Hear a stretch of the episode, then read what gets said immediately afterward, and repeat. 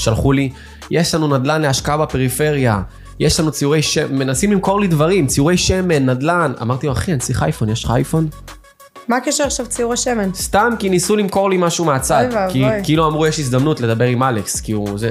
אז אמרתי להם גם לכל האלה, אם היית נותן לי קודם כל אייפון, ואחר כך מציע לי אולי ציורי שמן או נדל"ן, יש מצב הייתי מקשיב לך. ביקוש והיצע. אבל זה מה שאני אומר, תן לבן אדם קודם כל מה שהוא רוצה. בן אדם נכנס אליך לחנות, או השאיר פרטים בשביל משהו, לא יודע. כמו נגיד עכשיו כל הקמפיינרים ואנשי שיווק. בן אדם בא לאתר, עכשיו ישר באים לסגור אותו כל החבילה, ובוא נעשה לך קידום, נעשה לך גוגל, נעשה לך זה.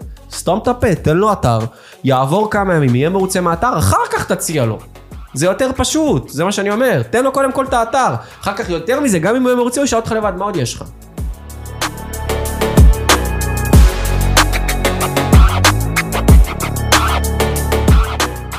גורבצ'וב, שלום שלום. מה המצב? יותר טוב מזה נשתגע, מה קורה? יותר טוב מזה נשתגע, תגוון את המשפט לפחות. עוד כפית דבש ונחנקנו. טוב לך? תקשיב לי טוב, נשמה, כן. כמה פודקאסטים אני כבר מרגישה לא מיוחדת. ספר לי, למה אנחנו כאן אבל היום? אני, אני מיוחד, כי אני הראשון שלך, לא? בפודקאסט. תורידו את זה בעריכה. לא, אל תורידו את זה בעריכה. תקשיב לי כן. טוב, נשמה. קודם כל, כיף שאתה כאן, ותודה רבה. תודה על ההזמנה. נורא מתרגש. פודקאסט 15 לפחות. לא, בכנות עכשיו קיצונית, סבבה? מה כן. הסוד שלך בפודקאסטים? אין סוד. איזה סוד? תגידי. חייב להיות סוד, נשמה. למה, מה? אין מצב שמזמינים אותך כל פודקאסט מחדש, וגם הרבה אנשים אומרים שההקלטות שעושים ביחד איתך זה הקלטות עם הכי הרבה צפיות אצלם. אז אולי זה הסוד? יש לי קהילה, יש לי קהל, סתם לא. כי כמו שאנחנו מדברים עכשיו, זה יותר vibe, כיף כזה, שמח, מגניב כזה. אנשים נהנים לדבר איתי סתם, בלי קשר לפודקאסט. יכולים לשבת איתי שיחה ככה על בירה. בירה דווקא? לא משנה, מה תשעות היין, מה זה משנה, זה הבעיה שלנו. קיצור, אתה אומר שפודקאסט זורם כזה וזה, ומשהו שהוא לא טכני, זה מה שעובד? ולא רובוטי כזה, שאלות תשובות כזה, כן, אה, תספר לנו, אה, איך הגעת למה שזה, מה אתה עושה כיום, כל מיני כאלה, שאלות תחת כאלה. אז אה, בהתאם למה שאמרת, כן. רציתי לשאול אותך, איך התחלת? לא, לא. סתם, סתם. לכו 15 פודקאסטים קודמים. בואנה, אתה יודע, פדיחה, כאילו, אתה מרואיין ראשון שלי, אבל תכלס לא שמעתי אף פודקאסט שלך לפני כן. כלום, שום דבר. לא להיפגע, אבל באמת אני אשאל אותך שנייה, תקשיב. כן. איך התחלת?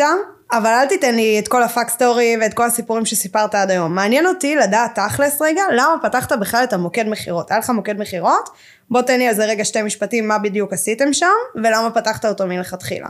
כי אני הייתי נציג, מספר אחד, אני לבד הייתי מכניס לאותה חברה שעבדתי בה כשכיר 200 אלף, פלוס הייתי מכשיר נציגים חדשים. אז אוקיי. אמרתי, רגע, רגע, מה, אני מטומטם? אני לבד מכניס 200 אלף ומלמד אנשים אחרים, למה שאני לא אעשה את זה לעצמי? למה אני עושה את זה למישהו אחר? אני הרבה אצלי, כל ה... גם האינסטגרם וההרצאות וגם המוקד וגם הזה, הרבה אצלי זה מ... כאילו אני בא להראות, אני בא להוכיח. אני בא לזיין אתכם. כאילו מה, אני עכשיו מכניס לבן אדם 200 אלף ומכשיר אנשים ומה יוצא לי מזה? 20, 30 אלף משכורת? מה, אני מסכן? אוקיי. חס וחלילה שלא יחשבו שאני מזלזל בכסף, כן? אבל כאילו, אני מסתכל על זה בפרופורציה שאני מכניס לו 200, מקבל מזה 10, אה, 20, 30, כאילו 10 אחוז, 15 אחוז, אז כאילו מה? למה שאני לא אקח את כל המאה? בוא, אתה מוביל אותי לשאלה אחרת לחלוטין ממה שרציתי, סתם כן, שתדע. זה. כאילו מוביל אותי לשאלה של עובדים שנמצאים עכשיו בתוך עסק, ורואים עכשיו את כמות ההכנסות של העסק. נגיד העסק מכניס 150, 200, 300, חצי מיליון בחודש. מה גורם ל- לעובד, אוי, זו שאלה שאפילו לא קשורה אליך, אבל מעניין את הדעה שלך.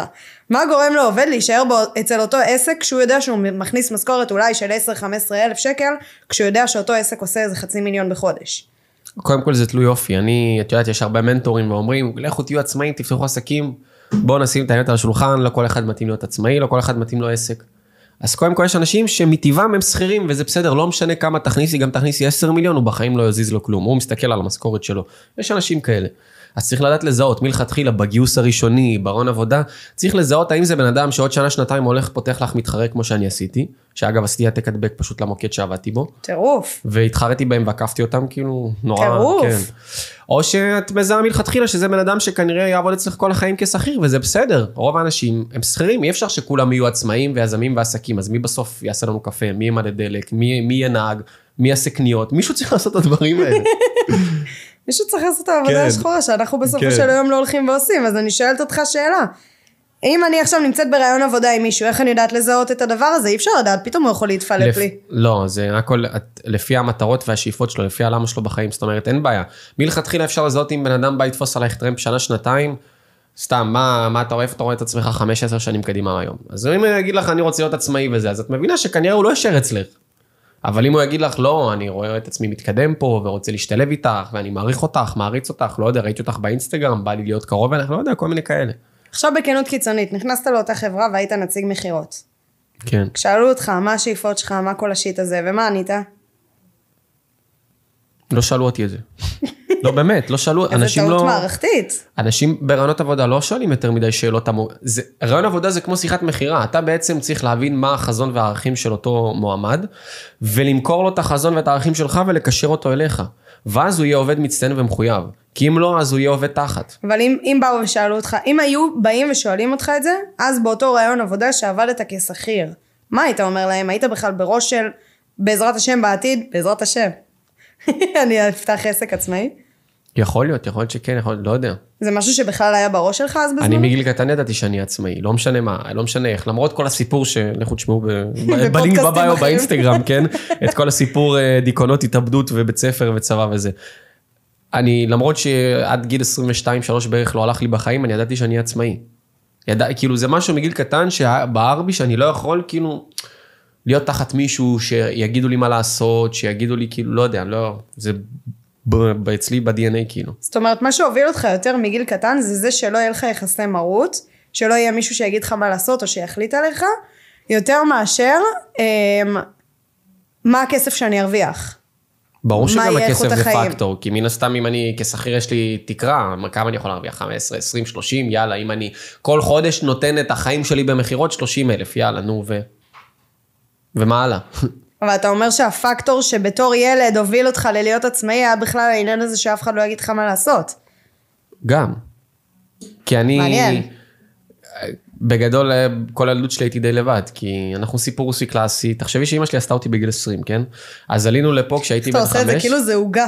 היא עשתה אותי בגיל 20, כן, אבא שלי היה בן נאפיתי. 19, אמא שלי בת 20. הנה, זה משהו ספוילר שאף פעם לא שמעו נראה לי בפודקאסטים אחרים. זה. חשיפה ראשונית, כן. אמא שלי בת 20, אבא שלי בן 19, ועלינו לפה כשהייתי בן 5. זאת אומרת שתחשבי, הם באו לפה בגיל 24 וגיל 25, מדינה חדשה, זרה, בלי שפה, בלי כלום, וזה שנות האלפיים המוקדמות. אין אינטרנט, פייסבוק, אינסטגרם, גוגל, טיק טוק, כל השטויות האלה. אין טלפונים, אין איך לתקשר, כאילו, אתה עכשיו זרקו אותך במדינה, זה משהו שאנחנו אף פעם לא נחווה, כן? כי היום אם את עוברת למדינה, בשנייה את נכנסת לאיזה קבוצה בפייסבוק או משהו, מוצאת ישראלים, כאילו. תחשבי שאת עוברת עכשיו למדינה בלי כלום, ויאללה, תסתדרו. ואז ההורים שלי מן הסתם לא הסתדרו, והרבה בעיות, בלאגנים, וסיפור רוסי קלאסי, אבא אלכוהוליסט וכו' וכו' התגרשו, ממש אחרי כמה שנים שהיינו פה. ואז תחשבי אמא שלי לבד, עם ילד, בלי כלום. יאללה, תסתדרי בגיל יוצאת 20, לעבוד. 8, 9, 30 כזה. יאללה, לכי תעבדי 2-3 עבודות עכשיו. אז אני זוכר את עצמי הרבה בילדות, הרבה לבד. באמת, ימים ו- ו- ושבועות, כאילו אני, נגיד קם בבוקר, אמא שלי כבר בעבודה, אני הולך לישון, היא עדיין לא חזרה. וכאילו לופ כזה של כמה ימים ושבועות, ואני ממש לבד לבד, אז כנראה שגם משם בא לי כל העניין של העצמאות. של כאילו אני רוצה להיות לבד ולא יעזור כלום. מצד שני, יצאת מאותה חברה ופתחת מוקד מכירות.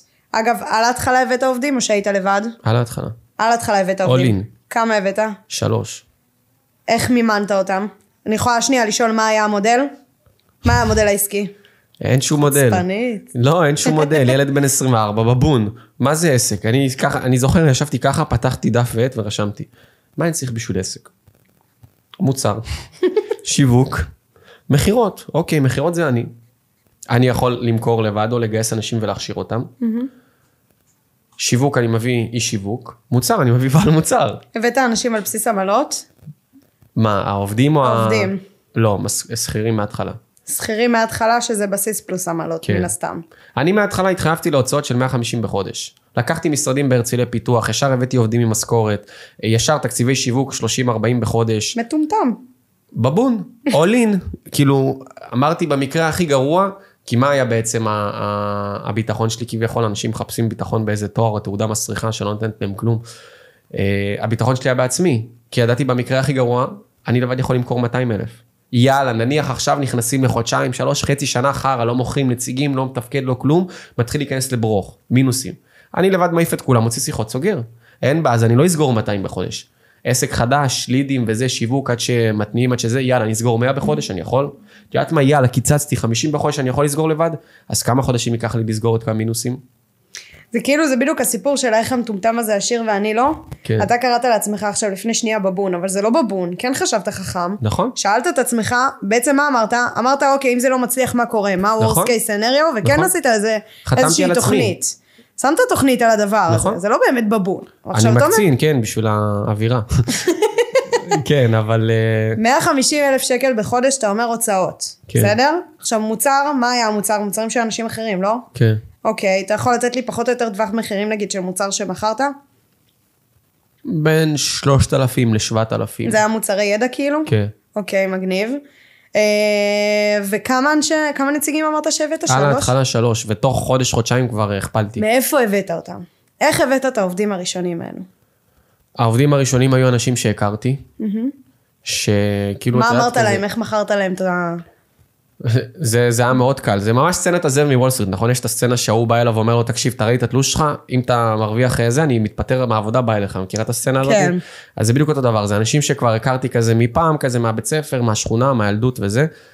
ו- וכזה מדי פעם שהיינו נפגשים פעם ב- בטעות באיזה יציאה באיזה בר, אז היינו מדברים מה איתך, מה עושה עכשיו, והייתי מספר להם מה אני עושה במכירות, אז כולם היו פותחים עיניים, מה 20-30 אלף במכירות.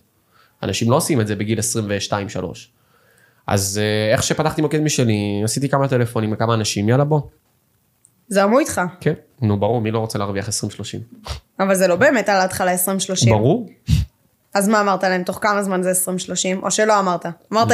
תלוי בך. אם תהיה מוכר טוב, אז תרוויח, לא תהיה מוכר טוב, לא תרוויח. מגניב. בעצם ציוותת את עצמך לחברות, מכרתם דברים, וככה ניהלת את המוקד. זה, ככה זה התחיל. אני מאוד חייתי בסצנת הזה מוול סטריט, הייתי מאוד מושפע. אבל אה, תשמע, זה הוביל אותך. כן. זה הוביל אותך חזק. עכשיו, השאלה שלי זה ככה.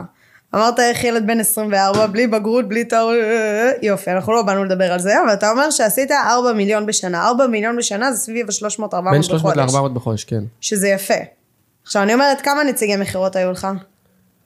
היו תקופות, בשיא לפני הקורונה היינו איזה 15. היה 10, 8, 12, את יודעת, כל הזמן מתחלפים, מתפטרים, מחליפים, מגייסים. שאלה הנשאלת היא, החזקת 15 אנשי צוות, שזה טירוף. זה טירוף, לא כל בעל עסק מגיע לסיטואציה הזו. זה ממש יפה. אני שואלת, איך ניהלת את הדבר הזה? איך ידעת לנהל את אותם אנשי מכירות? איך ידעת, אתה יודע, כאילו בסופו של יום כשאתה מתעסק כבעל עסק, מן הסתם לא התעסקת רק במכירות. עשית פיננסים, דיברת עם חברות, היית צריך, מן הסתם זה כישורי מכירות, אבל זה לא רק. איך ידעת לנהל את כל הדבר הזה בתור בן 24? אגב, אהלן, בת 24. הכל תוך כדי תהליך.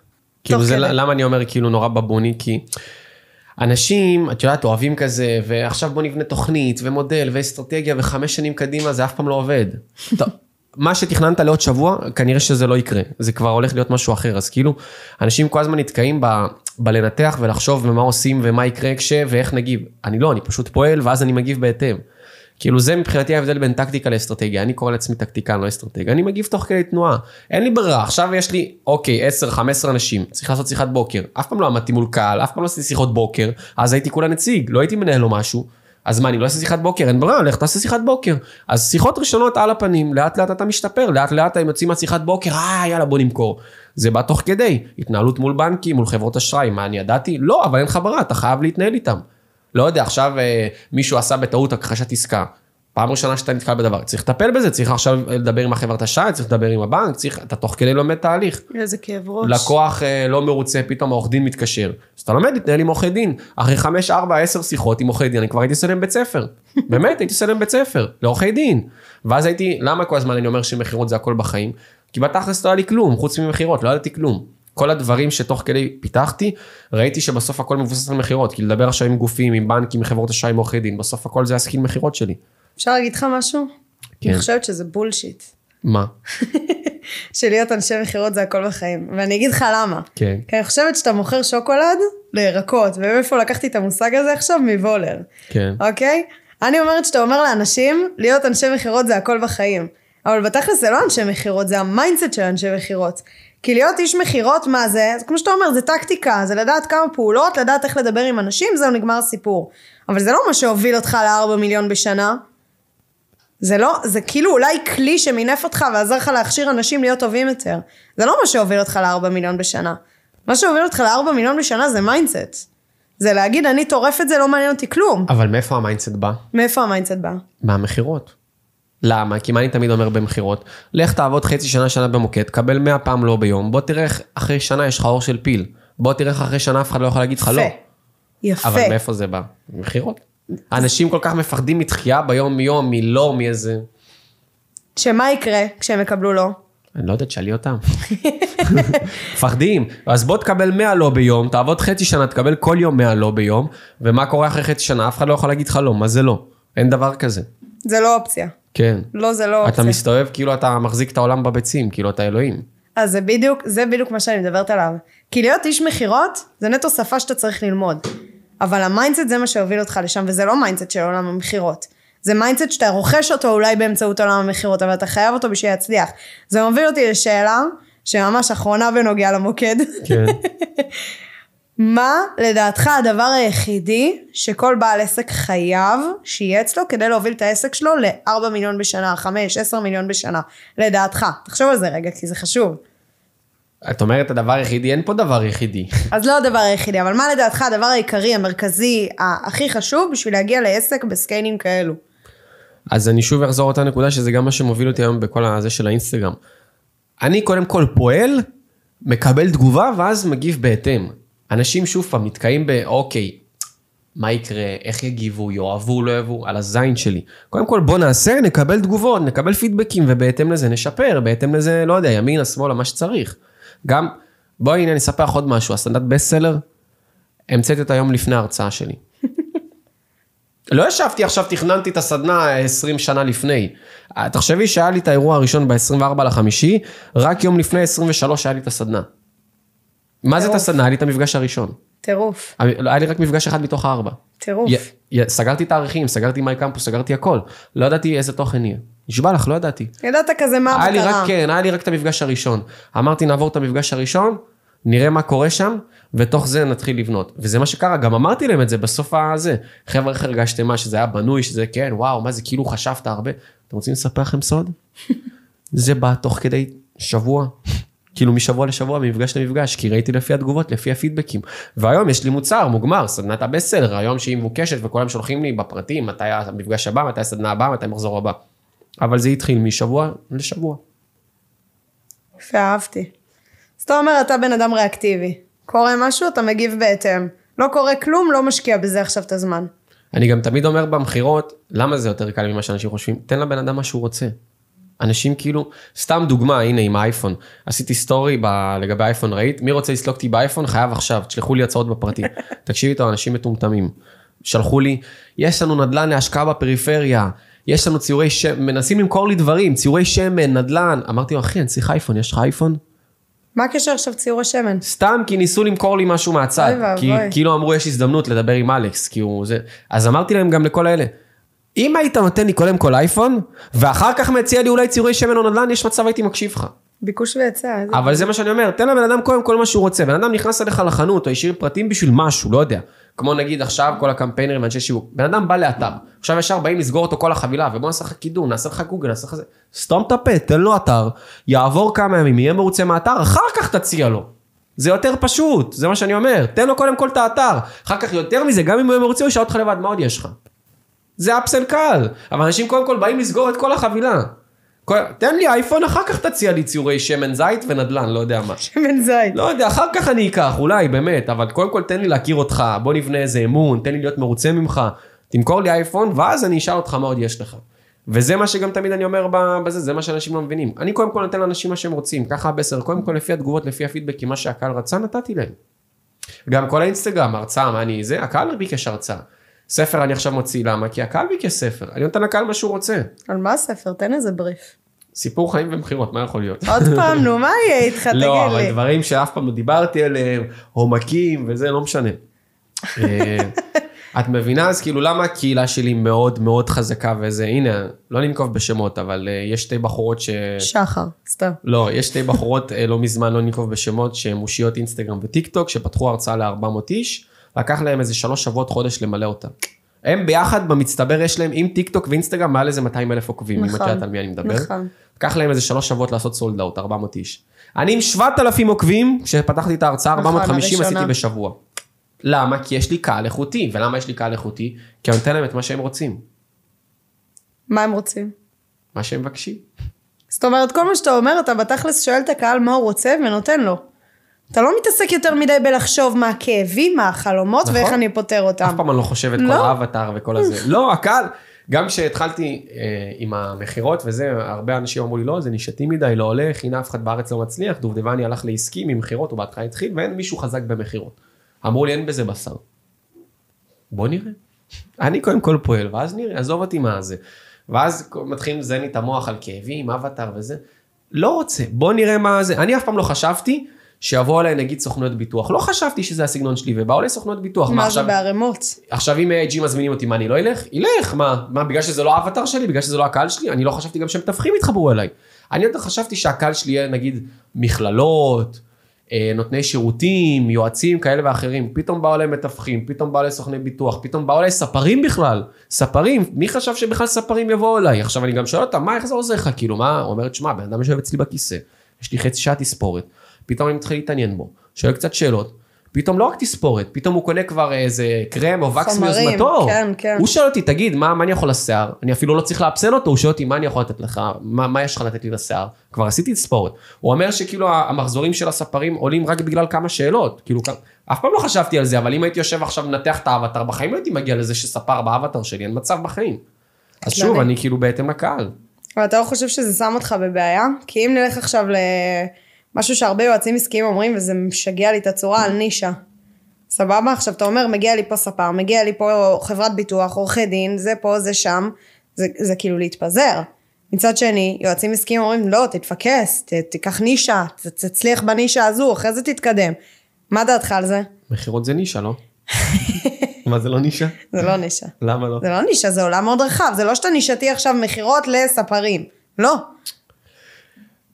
את יודעת מה דעתי על יועצים עסקיים, ובדרך כלל רוב האלה שאומרים את זה כנראה אין להם עסק חוץ מהייעוץ, וזה למה הם מבלבלים את המוח. כי שוב, בן אדם שבאמת יש לו עסק, או היה לו עסק אמיתי, עם לא משנה, עובדים, אה, התנהלויות כאלה ואחרות, יש דברים שכשאתה מדבר עם בן אדם, תוך דקה שתיים אתה קולט אם היה לו עסק או לא. כי יש ניואנסים קטנים שרק בעל עסק אמיתי, לא עצמאי, כן? כי כל היועצים הם עצמאים, נכון? יש את ההבדל בין עצמאי לבעל עסק, כן. אבא עשיר אבא עני. הם לא באמת יש להם עסק. הם עצמאים, יושבים בבית, מקסימום לוקחים איזה משרד במגדלי אלון, משכירים לפי 180 שקל לשעה, ואני בעל עסק. אתה לא בעל עסק, אתה עצמאי. אתה עכשיו אה, עושה פגישות אחד על אחד, אין לך עובדים, אין לך כלום, אתה עצמאי. אז בגלל זה הם לא מבינים. אי אפשר בעסק, כאילו, ממש אה, נישתי, כי שוב, יש דברים שיש ביקוש מהקהל, כל המוצרים שלי זה ביקוש מהקהל. אני. לא ממציא מוצרים לבד. טוב, יאללה, אני מחזירה אותנו אחורה. תקשיב, דיברנו על המוקד, כן. ומעניין אותי לדעת. פתחת את המוקד, פירקת אותו. מה קרה שם? לא פירקתי אותו, באה הקורונה, אוקיי. עלינו לטובה, פירקו לך אותו. ועברנו ל... את יודעת, זה בדיוק היה סגר ראשון ושני, וכולם בפאניקה על הנייר טואלט, לא יודעים מה קורה בבית. ביצים, אז איפה עברנו? פרילנסרים מהבית. עכשיו, למה אני אומר בא עלינו לטובה? כי הקורונה עשתה לי קאט, וגרמה לי להיכנס לאינסטגרם. אם לא הקורונה, יש מצב גם הייתי ממשיך עד היום במוקד, ואף אחד לא מכיר אותי, ואין אינסטגרם, אין לי כלום. למה זה מפריע לך? אז הייתי תקוע כל יום במוקד עד 7, 8, 9, 10. זאת לא אומרת. היית שכיר בעסק של עצמך. אה, סוג של כן. כאילו, הקורונה עשתה לי קאט, ואז פתאום כשאתה יוצא נכון, זה כמו שאת יושבת כל יום בחדר עם מזגן, הוא עושה רעש כזה, ואת לא שמה לב, את סבבה עם מזגן, פתאום חיבית אותו, אומרת, וואו, איזה שקט. איך ישבתי ככה עם המזגן הזה, נכון? אז כאילו היית שם כל היום בלופ הזה, ולא שמת לב, ופתאום כשיצאת החוצה, פתאום הבנת, וואו, מה זה, זה לא מה שאני רוצה. מה זה החרא הזה, אני כל היום תקוע פה. נגעת פה בנושא ממש יפה, שתדע לך. נושא יפה. שכאילו אתה אומר, בעלי עסקים נמצאים כל הזמן בלופ של הם לא עצמם. הם לא מסתכלים, הם לא יוצאים שנייה אחת להסתכל על התמונה הגדולה, ולהבין בכלל, האם ככה הם רוצים לחיות? האם סבבה להם? האם יכול להיות שיש אופציה יותר טובה בחוץ? ברור. בשוק? אוקיי, מעניין. ומה האינסטגרם בעצם אפשר לך? אז האינסטגרם זה גם משהו שרציתי עוד מהשנייה שפתחתי מוקד. כאילו, פתחתי אותו ב-2018, ב-2018 זה עוד לפני עידן המנטורים, שהיה בארץ רק את דובדבני ואלון אולמן אולי. ידעתי שאני רוצה את הצד הבא, לעמוד על במות. ואפילו אילי, שאת מכירה אותו, והוא עבד אצלי במוקד, אילי. ככה הכרנו. הוא בא אליי בגיל 19 עם חיוך של קולגייט וסקייטבורד, לראיון עבודה, שתבין, ילד אשכרה. נהדר כזה, חמוד כזה. אה, ואז בדיוק כשהתחיל כל העידן מנטורים, אז הוא היה בכל ההרצאות של כל אלכס דניאל וכל אלה, והיו לי עובדים, הולכים לרועי עמוס, אלכס דניאל וזה, אני הרי כל בוקר הייתי עושה להם שיחת בוקר. ואז פתאום הם חוזרים יום לפני, היו בהרצאה של איזה מישהו, ואז חוזרים, ואילי אומר לי, למה אתה לא עושה סרטונים? בוא נעשה תוכן, בוא נעשה סרטונים, בוא זה. אמרתי לו, הנה, אין לי זמן, כפרה לך, עזור אותי, תשחרר, יש לי עסק אמיתי, אני לא חרטטן, אין לי עכשיו מה זה, יש לי עסק אמיתי, תשחרר אותי. ואז כל פעם הוא יושב עליי, יושב עליי, עד שיום אחד אמר, עזוב, אתה יודע מה, אני שם מצלמה. לשיחות בוקר שיהיה, מקסימום, לא יודע, נשתמש בזה מתישהו. ואני אתן לך פה עוד סקופ, משהו שאף אחד לא יודע. צילמנו סרטונים ב-2019 משיחות בוקר למוקד. אני, יצא לי משם בערך 17 סרטונים שהעליתי אותם לאינסטגרם ב-2022, ואף אחד לא יודע את זה עד היום. שיואו. ואף אחד לא יודע את זה עד היום, ואף אחד לא שם לב להבדלים. שתביני שב-2019, מה שהייתי עושה להם בשיחות בוקר, זה מה שאנשים היום רואים באינסטגרם. פסיכודלי. זה פסיכודלי. כן. מרוב שאני ידעתי כבר מה הצד הבא, ופשוט זה היה איזה מקפצה כזאת. איזה קטלני. ומה בעצם היה הצעד הבא שלך? מנטור למכירות? סתם. מהנדס. אמרתי גם, אני רוצה לבוא ממקום, שוב, כל היועצים האלה החרטטנים, לבוא ממקום אמיתי של, יש לי עסק, היה לי עסק, עם מספרים, עם עובדים, ניהלתי, אני יודע איך לעשות את זה. עכשיו, גם תוך כדי, חוץ מהעניין של הסרטונים שלי, לי, היו פונים אליי כבר חברות לבד, כאילו היו שומעים מה קורה אצלנו במוקד, מחזורים, מספרים, בואנה ילד מה מנהל פה 15 עובדים, זה, בוא תבוא לנו להדרכה, תבוא להרצאה, הייתי מקבל הצעות ככה כבר עוד מהמוקד, על ימין ועל שמאל, לא, לא הייתי לוקח, למה? כי אין לי זמן, אני תקוע שם כל יום עד הערב. ואז אמרתי, באה הקורונה, פתאום עשה לי את הקאט רגע של כיוונו את המזגן, רגע בוא נחשוב, מה אני באמת רוצה, איך אני זה, ואז בקורונה התחלתי לפתח את האינסטגרם. לקחתי את אילי, עשינו כמה ימי צילומים בין הסגר השני לשלישי נראה לי. אה, עשינו צילומים, עשיתי תוכן לאיזה חודשיים שלוש קדימה, פי. ויאללה. בוא, בוא נתחיל לרוץ, ובאינסטגרם, אה, את האינסטגרם פתחתי בקורונה. ב- בראשון לשני 2021 פתחתי את האינסטגרם, מאפס פסיכי. לגמרי. ישר לפני זה לא הייתי כלום ברשתות, כן? הייתי פרופיל פייסבוק עם תמונה מ-2011. אתה פתחת את האינסטגרם כשאני פתחתי את העסק. גורבצ'וב. מאמינה בגורל? גזות הראשון שלי פה, אתה מבין? או. או. זה מחזיר אותנו. כן. סתם. קטלני, מגניב, אוקיי. ואתה אומר שבעצם היעד שלך היה לעמוד על במות. כן. מה, מה, מה, מה השינוי שאתה רוצה לחולל, כאילו? באמת אני שואלת, מה השינוי שאתה רוצה לחולל? לעמוד על במה, אוקיי, ו... זה לא סתם. קודם, אגב, שאלה מטומטמת, ולא קשורה לאף אחד. אתה צוחק. כן. אתה, באמת אני שואלת, סגרת את העסק ברשויות ופתחת עסק חדש? מעניין. זה באמת מעניין. כי זה מראה על המשכיות של עסק. מה זאת אומרת סגרתי? החלק של המוקד, הוא לא סגור, עדיין, אה, יש לי חברה בעם של המוקד, ולעצמי לזה עוסק מורשה. הבנתי אותך, והמוקד עדיין מתפקד? אז המשכנו עם הפרילנסרים מהבית, עד לא מזמן, עד ה... לפני חודש, חודשיים החזרתי אותם למשרדים. הופה. זאת כן. אומרת, יש לך עסק שדופק מהצד, ובמקביל אתה מפתח את עצמך כמהנדס מכירות. כן.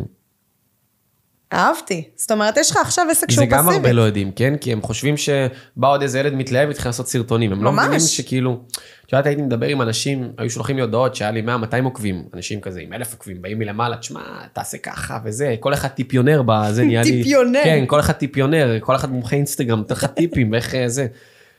וואלכ, הייתי אומר להם מההתחלה, ניר דובדבני, אלכס דניאל, ניפגש שם. אנשים, מה, מה אתה, מי אתה, זה, הם לא, הם לא ידעו מה מה עמד מאחורי זה. היום אני כבר אחרי כמה אירועים, כמה זה, 11,000 עוקבים, הם עדיין תקועים באלף עם הטיפים שלהם. תקשיב, אני חושבת שלא הרבה אנשים יודעים את זה שה... שהעסק שלך כאילו עדיין מתפקד, אתה פשוט כאילו לא שם. למה? אני מעלה בסטורי לפעמים את המוקד וזה. אתה לא... אה, זה המוקד שלך? כן. אני הייתי בטוחה שאתה הולך ובעצם עושה כאילו הדרכות לחברות כזה תוך כדי. יש כאלה שאני מסתובב, כן, אבל יש גם את המוקד, שכאילו עד עכשיו הם היו מהבית, פשוט החזרתי אותם בחודש, חודשיים האחרונים, מתי אנחנו עכשיו באוקטובר? כמה, החזרתי אותם בספטמבר.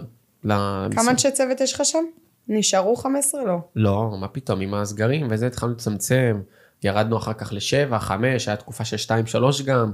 כי שוב, אני רציתי כמה שיותר להוריד ממני, כבר לא אכפת לי הכסף, אני רוצה יותר את החופש, את הזמן, אחרי שהייתי תקוע שם שנתיים, שלוש, בין ארבע קירות, הרגשתי כאילו זה היה מאוד אינטנסיבי, כאילו זה היה שבע שנים.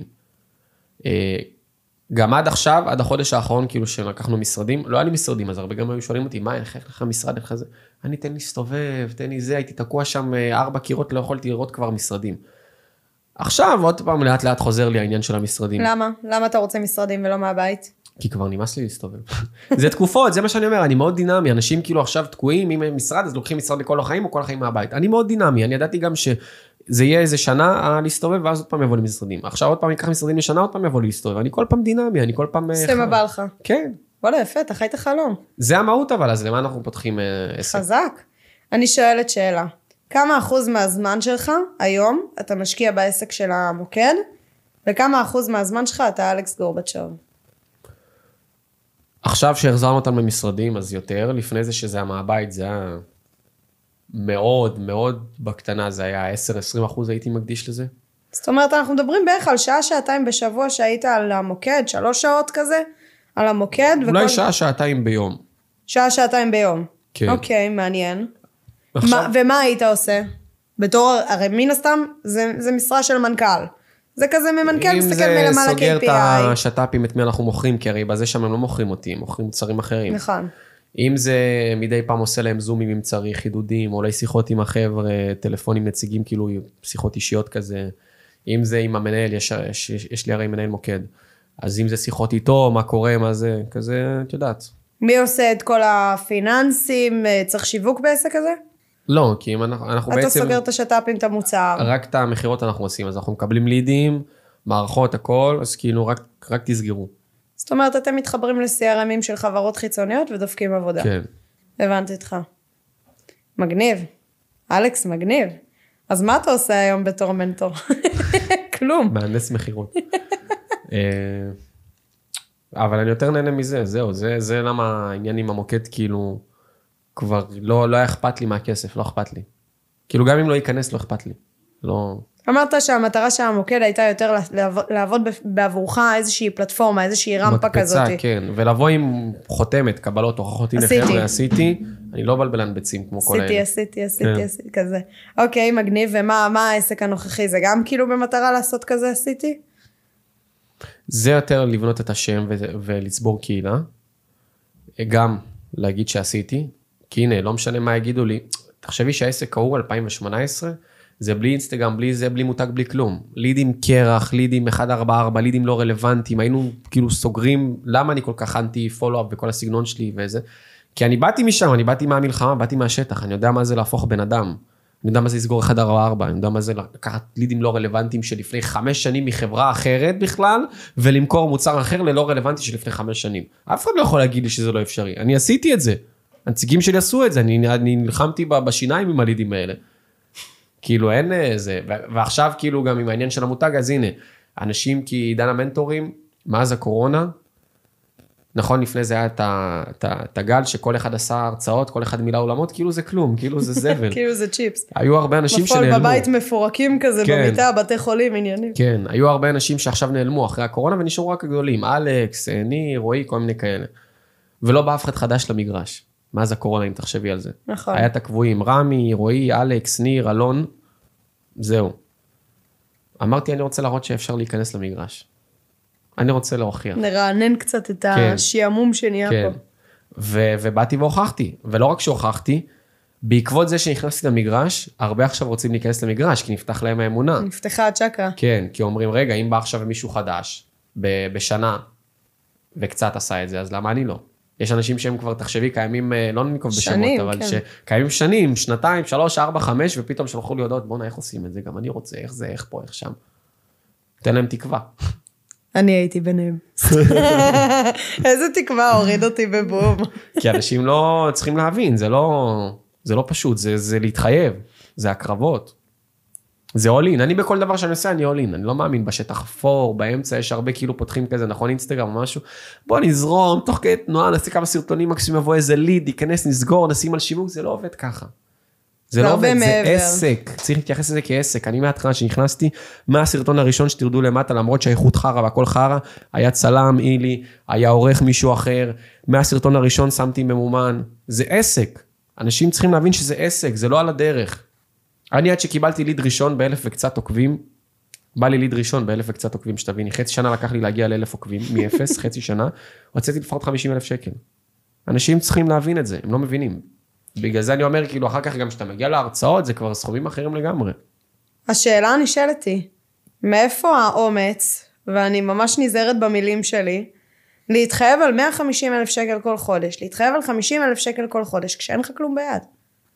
יש לי אותי, מה זה אין לי כלום ביד? מה, מה גרם לך לבוא. ולהמר על עצמך? מאיפה האמונה העצמית הזאתי? זה בעקבות כל הסיפור חיים שלי נבנה. זה מה שאני אומר, זה עם כל הדיכאונות. תחזרו כל ה- לפודקאסטים. כן, כל המשברים, כל הזה. בואנה, אכלתי הרבה חרא בחיים. הרבה, כאילו, ברמת של... אני היום שאמרתי איך כותב את הספר ונכנס שם לפינות ועומקים, אז ישבתי עם האיש שעושה את כל העריכות, הגעה וכל הזה, וכאילו היא עוברת איתי על הזה, והיא מתחילה לבכות לי, היא יושבת, היא, היא בוכה, אני למה את בוכה, היא אומרת לי, אתה לא קולט איזה סיפור חיים טראומטי יש לך, איזה עלות עבר, היא לא, היא אומרת לי, אתה לא קולט, אני אומר, נכון, אני לא קולט, כי זה, זה מה שעברתי, זה הרגיל שלי. עכשיו, אנשים קוראים את זה מהצד, שיקראו את זה, יהיה להם דמעות, הם יבכו. אז בעקבות כל מה שעברתי ומה שאמרתי, אני חותם על עצמי. כאילו, את שואלת אותי, מאיפה האומץ, מאיפה... נ-" אני, כאילו, אני, מה, מה אני צריך יותר מזה? מה יש לי בחיים האלה חוץ מאת עצמי? השאלה הנשאלת היא, לך היה את המציאות חיים שלך, בסדר? וחווית. עכשיו, אני לא אומרת, יש עוד אנשים שחווים דברים בחיים שלהם, כן? כל אחד חווה את הסיפור שלו. אבל כן, חווית חתיכת סיפור, וזה מה שעיצב אותך וגרם לך, מה שנקרא, להמר על עצמך. בן אדם שלא חווה את- המציאות חיים שלך. וצריך עכשיו לפתוח עסק. מה זה צריך? רוצה, זה חלום חייו, רוצה להגשים את עצמו. עכשיו, אבל למה? בוער לו בעצמות. למה? למה בוער לו בעצמות? כן. צריך להבין מה הלמה, מה המניע, זה בדיוק אני הקטע. שונאת אותך עם הבירור צרכים שלך. זה בדיוק, הכל בסוף זה נופל על הלמה, זה בדיוק העניין. אם הוא סתם רוצה לפתוח עסק, כי הוא רואה עכשיו את כולם באינסטגרם עם עסקים, אז בא לי לפתוח עסק, זה לא יעבוד, זה לא יצליח. במשבר הראשון שיהיה לו, הוא יפרוש.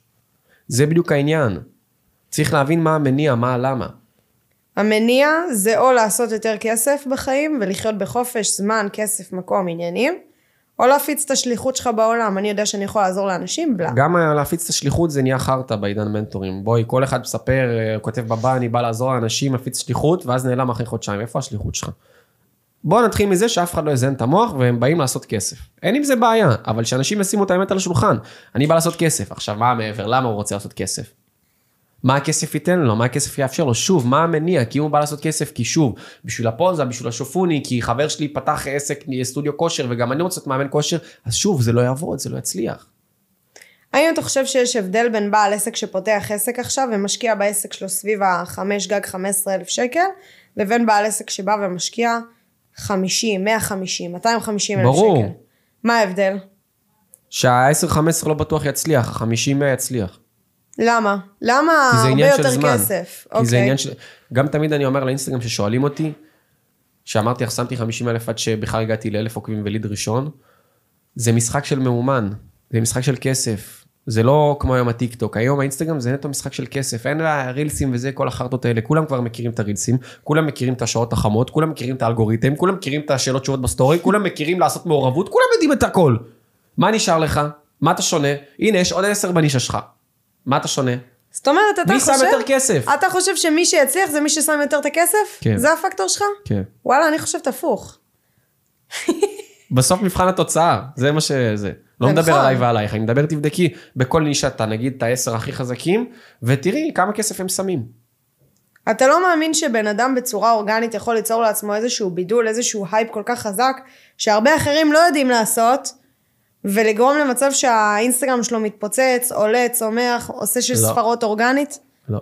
נעים מאוד, דיגיטילי. אבל שוב, מה זה, באיזה רמת פיצוץ? כל אחד והזה שלו. הבנתי מה אתה אומר. כי אתה אומר יש capacity מסוים, יש תקרת כן. זכוכית מסוימת, עכשיו, כנראה שזה אפשרי, אבל גם השאלה כמה זמן זה ייקח. כמה זמן זה לקח? כן, יפה, זה העניין. שנתיים וחצי, שלוש. נו, השאלה אם יש לך את הזין לשנתיים וחצי, שלוש, או שבוא תשים 100 אלף שקל ותעשה את זה בשנה. תשים 150 אלף שקל, תעשה את זה בשנה, לא משנה. אוקיי. אז זה בדיוק העניין. עכשיו, אה, מה עוד אמרת רגע? באתי להגיד לך משהו? על אורגני, על של ספורות אורגניות. לא, עכשיו גם השאלה כל אחד מה המטרות שלו ומה זה, כי בסוף, גם את עכשיו רוצה להיכנס למאומן מסיבה מסוימת, כי את רוצה לגדול ולהתפוצץ, כי כנראה יש איזשהו נכון. המכפיל מסוימת רווח. באורגני, זה בדיוק. המכפיל רווח. עד היום עבדתי אורגנית, השגתי את מה שאפשר להשיג באורגני. עכשיו אני רוצה את המכפיל לרווח, יפה, חד בסוף משמעית. צריך להיכנס למאומן, ואז כשתיכנסי למאומן, את תראי שזה משחק של מי שם יותר כסף. מי יראה אותך יותר פעמים, איך יראו אותך יותר פעמים? אם אתה שם יותר כסף. למה צריך לראות אותי יותר פעמים? שתיכנסי לבן אדם לראש. שיאמין בך, שיסמוך עלייך, יגיד בואנה זאתי רצינית, זאתי לא משחקת משחקים, כי שוב, יש עידן מנטורים, כל אחד פותח פרופיל לחודשיים, חצי שנה נעלם. אז אני רוצה את הביטחון ואת האמונה שאני יכול לשים אצלך כסף ואת לא תיעלמי לי, ואת פה לכמה שנים. אז אני צריך לראות אותך איזה כמה פעמים. גורבצ'וב, אתה אומר עידן מנטורים, עידן מנטורים, עידן מנטורים, עידן מנטורים. מה זה? מה, מה יושב שם? נחנקנו מהעידן מנטורים, נחנקנו. יותר טוב מזה? משתגע. מה? מה? מה קורה שם? מה דעתך על עידן המנטורים? מה, קודם כל, מה זה עידן המנטורים הזה שאתה כל הזמן מדבר עליו? מה זה? זה שכל אחד הזה? פותח אינסטגרם, עושה כמה סרטונים ובטוח שהוא מנטור. אוקיי. ובא לשנות לאנשים את החיים. אוקיי. והוא גר אה, בן 30 אצל אמא שלו ואין לו שקל על התחת, והוא מנחה לייעוץ פיננסי, די, נו. או יועץ זוגיות אה, רווק גרוש, אלמן, נו, בחייאת, תפסיקו עם השטויות. או יועץ עסקי שבחיים לא היה לו עסק, והוא בן 20 חייל משוחרר, לא הופך חביתה לבד בבוקר. הוא בא ללוות עסקים, נו די, נו. סיימת? זהו, כן. הוצאנו את זה? אפשר להתקדם? כן. אוקיי. אבל יצאת מהמוקד והעלית כמה סרטונים. במה אתה שונה מהם? זה לא שהעליתי כמה סרטונים, אני באתי עם חומרים כבר חצי שנה קדימה מראש. באתי, ולא רק שבאתי עם זה, תוך כדי כל הזמן צילמתי, ידעתי שזה עניין של זמן והתמדה עד שזה יתפוצץ. מתישהו, זה מה שאני אומר, ההתמדה, הנחישות, בן אדם רואה אותך ב-100-200 עוקבים, יאללה. עבר כמה חודשים, בואנה, הוא כבר באלף עוקבים. בואנה, הוא כבר העלה איזה 100 סרטונים. יש פה משהו מעניין. עבר עוד כמה חודשים, בואנה, הוא כבר בשלושת אלפים, בואנה, הוא כבר... הוא כבר מזמינים אותו להדרכות עכשיו, ראיתי אותו באיזה סוכנות ביטוח, ראיתי אותו באיזה משרד תיווך, בואנה, יש פה מישהו רציני. זה לא סתם. כל הסרטונים האלה שעושים בכל החברות האלה, מדיה ושיווק וזה, שאתה בא, מדבר למצלמה, נו מה?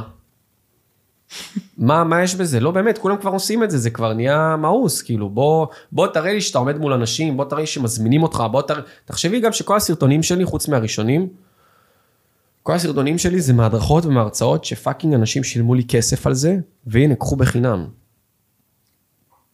זה לא סרטונים שבאתי, צילמתי מהטלפון בבית בספה. זה לא צריך לך קונפליקט? מישהו שילם לך כסף על הידע הזה, באת, עמדת שם, fucking כל 15 שניות מתוך ההרצאה הזו נמצאים בתוך האינסטגרם שלך. נו, אין לך קונפליקט? לא. למה? כי זה חומרים שלי, אני יכול לעשות מה שאני רוצה. א', נכון, ומה עוד? למה שיהיה לי קונפליקט? אתה יודע מה אני אומרת על הדברים? כי- אתה יודע למה אני שואלת את השאלה הזאת? כי אנשים כאילו אומרים את זה, ואז הם אומרים, רגע, אבל אני משלם לו כסף, אז למה הוא הולך ועושה את זה? או הפוך, הם אומרים, אנשים משלמים לי על זה כסף, אז איך אני אלך ואוציא את זה בחינם לרשתות? זה חלק ממה שאתה סוגר איתם, אני גם אומר להם שאני מביא צלם ואני מצלם. עזוב רגע משפטי וענייני, מדברת עכשיו מבחינה אתית, מבחינה רוחנית, אתה אומר, אני שם את הידע הכי טוב שלי עכשיו בחינם, אז למה שישלמו לי כסף, יקבלו את אותו מידע? אבל זה לא הפקטור הזה, זה שני... 15 שניות של פוסט, דקה וחצי. שמת סרטון שמונה דקות, נתת ערך מטורף באינסטגרם שלך בחינם, בחיים לא ישתווה לשעה וחצי, שעתיים, נכון. הדרכה, זה כולה שאלות. סרטון של דקה מתוך נגיד סשן של שעתיים. אוקיי, מה כבר עכשיו יכול להיות איזה? הרבה גם, שוב, אני כל הזמן, איך אני חושב? אני חושב מה כולם עושים, אני עושה הפוך. באמת, זה, זה, זה המחשבה שלי תמיד. כי בגלל שיכול להיות שלפני שנה, שנתיים, הדברים האלה היו פחות איזה, כי מה כולם אומרים? אתה צריך בתוכן החינמי לתת להם את הלמה, וכאילו למכור להם בכסף את האיך. את האיך עושים את התכלס. נכון. אבל כולם כבר מכירים את הלמה, כולם יודע, יודעים את ה- להתאמן ולקום בבוקר ולעשות ככה ו-XYZ ובלה בלה בלה, כולם כבר מכירים את המשפטים האלה. אז מה המעבר שלך, מה הבידול שלך, מה הערך המוסף? אז בוא ניתן להם את התכלס, בוא ניתן להם את האיך. הנה, קחו סרטונים במקומות שתכלס משלמים לי כסף. סבבה, דקה פה, דקה שם, אבל הנה, זה, זה מה שקורה במי שמזמין אותי נגיד להדרכה. רוצים? תזמינו אותי, הנה זה הסרטונים, זה ההוכחה. אתה יודע, הרבה אנשים שואלים אותי כל שנייה, למה, איך אני מצליחה לעשות כל כך הרבה כסף בצורה שהיא אורגנית? איך אני משיגה כל כך הרבה לידים מאיזה פוסט מסכן באינסטגרם? כאילו גם איזה פוסט, קרוסל, התוכן כתוב. לא תגיד סרטונים. אם נשים את זה רגע על השולחן, את כל הכסף שלי, את כל הלידים, את כל מה שהעסק שלי בנוי עליו, זה על הקרוסלות. זה אפילו לא על סרטונים, ואנשים משקיעים כאילו ערימות של כסף על סרטונים, כאילו מה יקרה? זה לא הסיטואציה. כל הכסף שלי אני עושה מתכנים כתובים, ולמה אני עושה את הכסף שם? בדיוק ממה שאמרת. כי מה כולם עושים? כולם מספרים את הלמה, מתחילים לסבן את הצורה, יאללה, כן. אנחנו פותחים היום יוטיוב, שומעים איזה שיר וכבר יודעים את הלמה, כי נגמר הסיפור, כל הפרסומות אומרות את אותו הדבר. כן. מה הפקטור, מה השוני, שאני שמה את האיך, שאני פאקינג מראה את המאחורי הקלעים ואני מראה את האמת, ואני מראה בדיוק את הצעדים שאתה צריך לעשות, ואיך אתה צריך לחשוב, איך אתה צריך לפעול, והכל, שמה את זה על השולחן, ומה? כמה, הבוקר 15 לידים כבר השאירו לי פניות, ב link ב bio בגוגל פורמס ששמתי שם, כאילו אתה מבין את הרמה, איזה כמה שלבים הם היו צריכים לעבור, כן. בשביל להישאר כלידים אצלי. זה בדיוק הפקטור הזה, אז... אה, למה? כי. נתת להם משהו שהיה אמיתי ועבד, וראו שאת לא חרטטנית. כי מה זה כשאתה נותן את התכלס את האיך? אני נגיד מעלה סרטון, פתאום יום אחרי אני מקבל הודעות, בואנה תקשיב, היום ניסיתי את זה בשיחות, בום סגרתי. אז בן אדם אומר, בואנה, אם fucking מסרטון של דקה אני סגרתי, הכנסתי כסף, אמיתי. אז מה קורה אם אני מביא אותו להדרכה שעתיים? מה קורה אם אני לוקח אותו אחד על אחד? פסיכודלי. וזה מה שקורה ב, ב, בסוכנויות ובזה. נציגים שלהם, הרי איך גם מזמינים אותי, כל מיני אה, ג'יו, כל מיני כאלה, זה בא מה- מהנציגים. הם באים, רואים כמה סרטונים של אלכס, פתאום מתחילים לסגור, פתאום המנהל בא להציג, תגיד, מה, איך ככה השתפרת, איך זה? וואלה, יש אחד, אלכס, אני לוקח אחר, תראה. זה מגיע למנהל, המנהל מתלהב, מנסה, פתאום הוא סוגר, לאט לאט זה עובר בדרגים, עד שזה מגיע למעלה, ואז מזמינים אותי. מעניין מה זה שאתה בא אומר. מלמטה, כי אבל שוב, זה פקטור של זמן אצלך. זה לוקח ברור. זמן. עד שאתה מעשיר את אותו איש מכירות, עד שהוא מגיע לרמה שהוא כזה באמת משתפר, לוקח זמן. ואז אחרי שהוא משתפר, עד שזה עולה למעלה יכול להיות לדרגים שמספיק גם הגבוהים. עסקה אחת, שהוא ראה שיטה נגיד שעובדת לו, אומר אז כנראה יש לו עוד הרבה שיטות שעובדות, ועוד לא חשף אותם, אולי זה רק אם אנחנו מזמינים אותו, לא יודע, יכול להיות. מגניב. אבל ברגע שאתה נותן לבן אדם משהו אמיתי, שהוא בא ולוקח את זה ומיישם את זה באותו יום או יום אחרי, ורואה שזה עובד, זה ההבדל, זהו, הוא, רואה- אתה לא חרטטן, אתה לא עוד אחד. כולם עושים סרטונים, למה, למה, למה, למה לקום בבוקר, למה להתאמן, יופי, אוקיי, נו. אבל אם פתאום, לא משנה, עשית פוסט קרוסלה, לא יודע מה, איך לעלות עכשיו חשיפה ב... אני יודע, בסטורי, ופתאום בן אדם עשה את זה, ופתאום בום, כפול בחשיפה, אומר, בואנה, אם עכשיו נתנה לי כפול בחשיפה, אז מה התוכניות שלה נותנות לי? טירוף. אתה רואה, אתה לא רק מכירות, אתה גם שיווק. אני יכול להיות יועץ עסקי, אני לא רוצה. לא באמת, אני לפעמים, אני יושב עם אנשים, כאילו גם שמזמינים אותי כל המשרדים או סוכנויות וזה, יושבים איתם סתם על עסק, נותן להם כמה טיפים, הם לוקחים, ואחר כך אומרים לי, בואנה, זה גם ברמה עסקית זה עוזר לי, כאילו. אני באמת מבין עסקים. אתה מבין את המאחורה. כן. איך זה פועל. אלכס, מה השלב הבא? או, שאלה מצוינת. קודם כל יש לנו את הספר בדרך. אם אלכס אומר לי שאלה מצוינת, אני במקום כן. טוב. קודם כל יש לנו את הספר בדרך. לא, אבל מה ו- השלב הבא של אלכס? את מדברת על הנדל"ן, פוליטיקה וזה? אני אמרתי, בין 30 ל-40 כזה, פוליטיקה, נדל"ן, משהו מעניין, משהו, משהו באמת כזה גדול, משהו באמת... לבוא עכשיו עם שינוי, ולא כל אלה שמספרים סיפורים בביו. רגע, מה זה נדל"ן?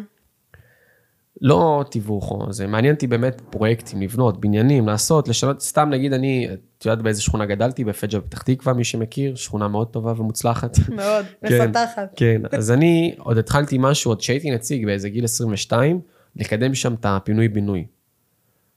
כמה שנים כבר עבר מאז? שש שנים, וברוך השם, יש פרויקט ראשון בשכונה של קאטה, את מכירה? שהם עושים שם ברחוב ברנר, בניין ראשון פינוי-בינוי. קודם כל זה כבר העלה את כל הערך של השכונה. עכשיו, מה קורה? זה לא רק שם. זה גם מגיע לרחוב שלי אחר כך בהמשך, שגדלתי בו, וזה זה הולך להיות פינוי-בינוי בכל השכונה. אין בעיה, זה ייקח שנים, אבל נוצר שם איזשהו תהליך. יש שם איזשהו שינוי באמת אמיתי. ועכו התחיל מלפני 200 שנה שהייתי מסתובב בכל הכנסים האלה של העירייה, נכון, של ההתחדשות עירונית וזה. הייתי באמת בגיל 22 מסתובב, משאיר פרטים בכל האלה, ואז היו חוזרים, הייתי צריך למכור להם את השכונה, את פג'ה. באמת, אני זוכר את זה שיחות. שהייתי אומר לזה, הבן אדם הראשון שייכנס לפה, הולך לעשות ארגזים מיליונים, כי תמיד זה ככה, איך שנכנס הראשון, זהו, פתאום כולם פותחים עיניים, אבל אתה צריך את הראשון, צריך את. זה עם הביצים. טירוף. והנה, עכשיו השכונה הזאת, כולם רוצים לעשות שם פינוי-בינוי, קאטה כבר השתלטו שם על חצי שכונה. אז מה אתה רוצה להתחיל לשדרג שכונות? זה הסיטואציה כאילו? אולי, אולי, משהו בנדל"ן. למה? מה האג'נדה אבל מאחורי לשדרג שכונות? כי אני גדלתי בשכונה תחת, וראיתי איך זה לגדול בשכונה תחת, וראיתי מה קורה לאנשים שגדלים שם, ולא לכולם יש את האופי ואת ה mindset ואת הזה, והם הולכים לאיבוד. וזה נטו נטו בגלל הסביבה. ויש שם אנשים מוכשרים בכל מיני תחומים, שבאמת, כאילו, אתה אומר, חבל. הם מתפספסים סתם, בגלל שאין אמצעים, אין סביבה, אין תנאים, כאילו, סתם, באמת. ואם זה פוליטיקה? גם כן, משהו במערכת החינוך, מאוד רקובה. אתה חושב שאשכרה תצליח לשנות מערכת החינוך? בשביל מה אנחנו פה? גורבצ'וב. גורבצ'וב. אני בתור אחד שנפלט מערכת החינוך ומבין כמה היא תחת, ורשמתי גם הרבה על זה בספר שלי, שאני יוצא על מערכת החינוך, ואני אומר, איך אתם יכולים לפספס ילד כמוני? איך כאילו, תחשבי הרי בילדות שאמרתי, הסתובבתי לבד כאילו, ואף אחד לא, מזמינים את אמא שלי לאספות הורים או כל מיני כאלה, היא לא מגיעה. למה זה- אף אחד לא מרים את הכפפה? כן, למה אף אחד לא שם לב? איפה כל המורות האלה שעושות השתלמויות ולמדו בתואר המסריח הזה ארבע שנים או לא יודע כמה? מה הבעיה לקלוט ילד שהוא בבעיה? הרי מה תמיד אומרים? אין ילד רע, יש ילד שרע לו. אז אם אני בעייתי בבית ספר והופך שולחנות, מאיפה זה בא? הרי לכל דבר יש סיבה, זה מה שאני אומר, זה לא סתם. למה ילד בעייתי? מה קורה אצלו בבית? אף פעם בחיים לא בדקו מה קורה אצלי בבית. יכול להיות שפחדו. עוד יותר גרוע, אז בשביל מה אתם פה? אז מה כל המערכת חינוך שווה? מה זה פחדו? אבל זה עבודה שלכם, לא? למה אף אחד לא יודע שיש לי בבית אבא אלכוהוליסט, שנותן לי ולאמא שלי מכות והייתי הולך עם סימנים לבית ספר? אף אחד לא יודע. אני הולך עם סימנים מתחת לחולצה. למה אחר כך כשמזמינים את אמא שלי לאספת הורים, היא לא מגיעה? ולא פעם, פעמיים, היא לא מגיעה קבוע, אני עכשיו ביסודי, שש שנים, היא לא הגיעה לאספת הורים. שש fucking שנים, אמא לא מגיעה לאספת הורים, אתם לא קולטים לא שמשהו לא. זה? איפה המערכת חינוך? זה לא רקוב, וזה ממשיך בחטיבה ובתיכון, כאילו... אז מה זה הרקיבות הזאת? מה אתם עושים שם? מה מלמדים אתכם? מה? מה שווה כל התואר הזה? קיצור, תצביעו ג' גורבצ'וב. מבינה? למה יש לך עכשיו דמעות בעיניים? מי שרואה את הפודקאסט, אם זה מצולם או לא יודע, זה, מצול... זה הולך להיות מצולם או שבספוטיפיי באיזה? מצולם, מצולם. אז uh, תעשה זום על. זה. העיניים. ה... כן, על הדמעות. הנה למה? זה נוגע באנשים, כי יש הרבה דברים רקובים, ואם כולם יגידו, מה, אז אי אפשר לשנות, אז ברור שלא ישתנה לא, כלום. אני גם, כאילו, אני מבינה את זה מקרוב, אתה מבין? אני אומרת, כאילו, זה לא אותו סיפור חיים, כן? אבל אני אומרת, כאילו, גם לי היו את הדברים, אף אחד לא שם לב, אף אחד לא הרים את הכפפה. אם אני לא הייתי עושה איזושהי פעולה קיצונית, כאילו שאיימתי בהתאבדות ועניינים, אף אחד לא היה מרים את הכפפה, לא היה בא אומר, היא צריכה עזרה, פה, שם, בוא ניתן לה, לא יודעת מה, הדרכות פסיכולוגיות, עניינים, כל השיט הזה שלא משנה, שסתם כן. לא עוזר לאף אחד, אבל אתה מבין? כאילו, אם אנחנו כילדים לא מרימים את הכפפה, אף אחד לא שם לב אלינו, וזה נכון. הבעיה, ואני מסכימה איתך על העניין הזה. נגע בי, נגעת. יופי, את רואה? אתם יודעים למה הוא נגע? כי הוא נתן סיטואציה מחיי היום-יום. נכון? תיגעו בקהל. נכון. אפרופו אותנטיות, איך מייצרים אותנטיות. דבר איתי עוד פעם עידן המנטורים, נכון? בן אדם עכשיו קרא ספר בבוקר, איזה משפט השראה, עושה על זה סרטון בערב. אתם חייבים, מה זה אתם? מי אתה, מה אתה? דבר איתי על דברים שחווית, דברים שעברת על הבשר שלך. זה מה שאני אומר, שאתה יכול להרגיש בן אדם שהוא עבר עסק, יועץ עסקי, או שסתם חרטטן.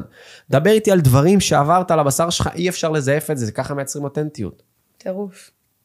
אם לא הייתי באמת עובר את מה שעברתי, אמרתי לך, זה בחיים לא היה עובר מסך ככה ולא היה נוגע בך ולא היה לך דמעות. כי זה אמיתי, זה אמיתי, זה בא מעמקי נשמתי. זה לא שעכשיו קראתי איזה סיפור של איזה מישהו אחר שאבא שלו הרביץ לו בילדות. זה לא. זה סיפור שלך. זה מה אתה למדת מזה, וזה מה השינוי שאתה הולך לחולל נכון. מתוך זה. מגניב. אז איפה הדדליין? מתי אתה עושה שינוי? סתם. בין 30 ל-40. בין 30 ו-40, זה אני, בגילאים. כמו שהבנת, אני זורם. יכול להיות שאני אהיה שנה, פתאום יעבור, פתאום יחליף, פתאום זה. פתאום לחזור להיות במוקד מכירות, או תשמעו אותו באות כזה, הוד שלום, במה אני יכול כן. לעזור? לשנות את כל הנוכלים שם, את כל הסטיגמות שלו, די, די. גורבצ'וב, וואלה, תודה. נתת פה ערך. וואו, אה? מתרגש. יש לך דמעות בעיניים, צלמו את זה, zoom in. zoom in, zoom in. ההוא גמר אותנו עם הסטורים, אמרו, "את דפק 50 סטורים בכל הזה. נירוס, נירוס כוכב נירוס. כן. תגיד, גורבצ'וב, מה אתה חושב שהדבר המרכזי שאנשים צריכים לקחת ממה שהקלטנו פה עכשיו? מה, בקטע אישי, עסקי, מה? מה שבא לך, מה אתה חושב שהדבר העיקרי המרכזי? שיפסיקו לזיין את המוח ו- ולעשות דברים. לא, באמת, אנשים כל היום מזיינים את המוח, זה תופעה מאוד uh, מדהימה. מה זה מזיינים את המוח? רק מה לא לעשות. לפחות, את יודעת מה, עזבי, לפחות שיעשו משהו, הם לא עושים, זה שוב חוזר אותנו, הם לא עושים. ספרו לך סיפורים, ובן אדם יגיד לך, אני רוצה לכתוב ספר כבר חמש שנים, אחי, ספר לוקח לכתוב חצי שנה. רוצה לפתוח עסק כבר עשר שנים, אחי, לפתוח עסק תוך חודש אתה עושה את זה, כאילו, תעשה, מה, למה? איזה חודש, יום, פתחתי עסק ביום. חברה בעם, בגלל שזה בירוקרטיות אה, וחרטות זה. חודש, כן. בא לי עם עורך. דין וזה, בסדר. עוסק פטור, מורשה, זה חותמת באותו רגע, יאללה, עשה ברכה. מותאמת, כזה. כן. כאילו בעיקר, אתם רוצים משהו, תעשו, לא באמת, כאילו, תפסיקו כל הזמן לאכול את הראש ולחשוב, ומה יהיה, איך יהיה, מה יגידו, וזה די. אפשר להגיד מה המסר העיקרי שאני לקחתי? בוודאי. זה, זה כאילו המשך ישיר שלך. זה די לחשיבת הלמה לא, ויותר החשיבת האיך כן, כאילו זה מה יש, זה הנקודה שלכם. אתם פותחים עסק, אתם הולכים לעשות ככה, אתם הולכים להשקיע, אתם רוצים להגיע ליעדים כאלה וכאלו, זה מה שאתם עושים. כל החשיבה שלכם זה אוקיי, איך אני מוציא את זה לפועל. ולא מה יקרה, ואם ו, ומה זה, לא, זה לא אופציה. וזה נכון. בדיוק מה שאמרת פה בהתחלה. לא, זה פשוט לא אופציה. די לפחד מהתחייה, די לפחד מהכישלון, ופשוט לעשות. נכון. אה, גורבצ'וב, תודה. תודה לך. ממש אה, הועשרתי, בעין. או-אה, איזה וואו, כיף. אני יוצאת. מפה סליקות, מה יש לך? וואי, וואי, וואי. תודה רבה, נשמה, מעריכה את זה. היה פרק פגז, ניפגש בפרקים היה פרק הבאים. עם נפץ, ויאללה. תודה רבה, bye. bye bye, שלום על ישראל. אז זהו חברים, תודה רבה שהאזנתם לפרק שלי. אם יש לכם שאלות או כל דבר, ובכללי אתם רוצים להעיף את העסק שלכם למעלה וללמוד עוד ועוד על עולם העסקים הצומח ועולם השיווק הדיגיטלי, אתם מוזמנים לעקוב אחריי באינסטגרם, קוראים לי שם דיגיטילי בתף ועם רווח, בסדר? תמצאו אותי, אל תדאגו. ממש על ההתחלה. מוזמנים לדרג את הפרק הזה חמישה כוכבים, אני יותר מאשמח, זה יעשה לי שמח בלב ובכללי. זה יתרום לי להעיף את העסק שלכם עוד יותר למעלה ולהביא לכם לכאן אנשים חזקים שייתנו לכם עוד ערך ועוד מידע וזהו, נתראה בפרק הבא.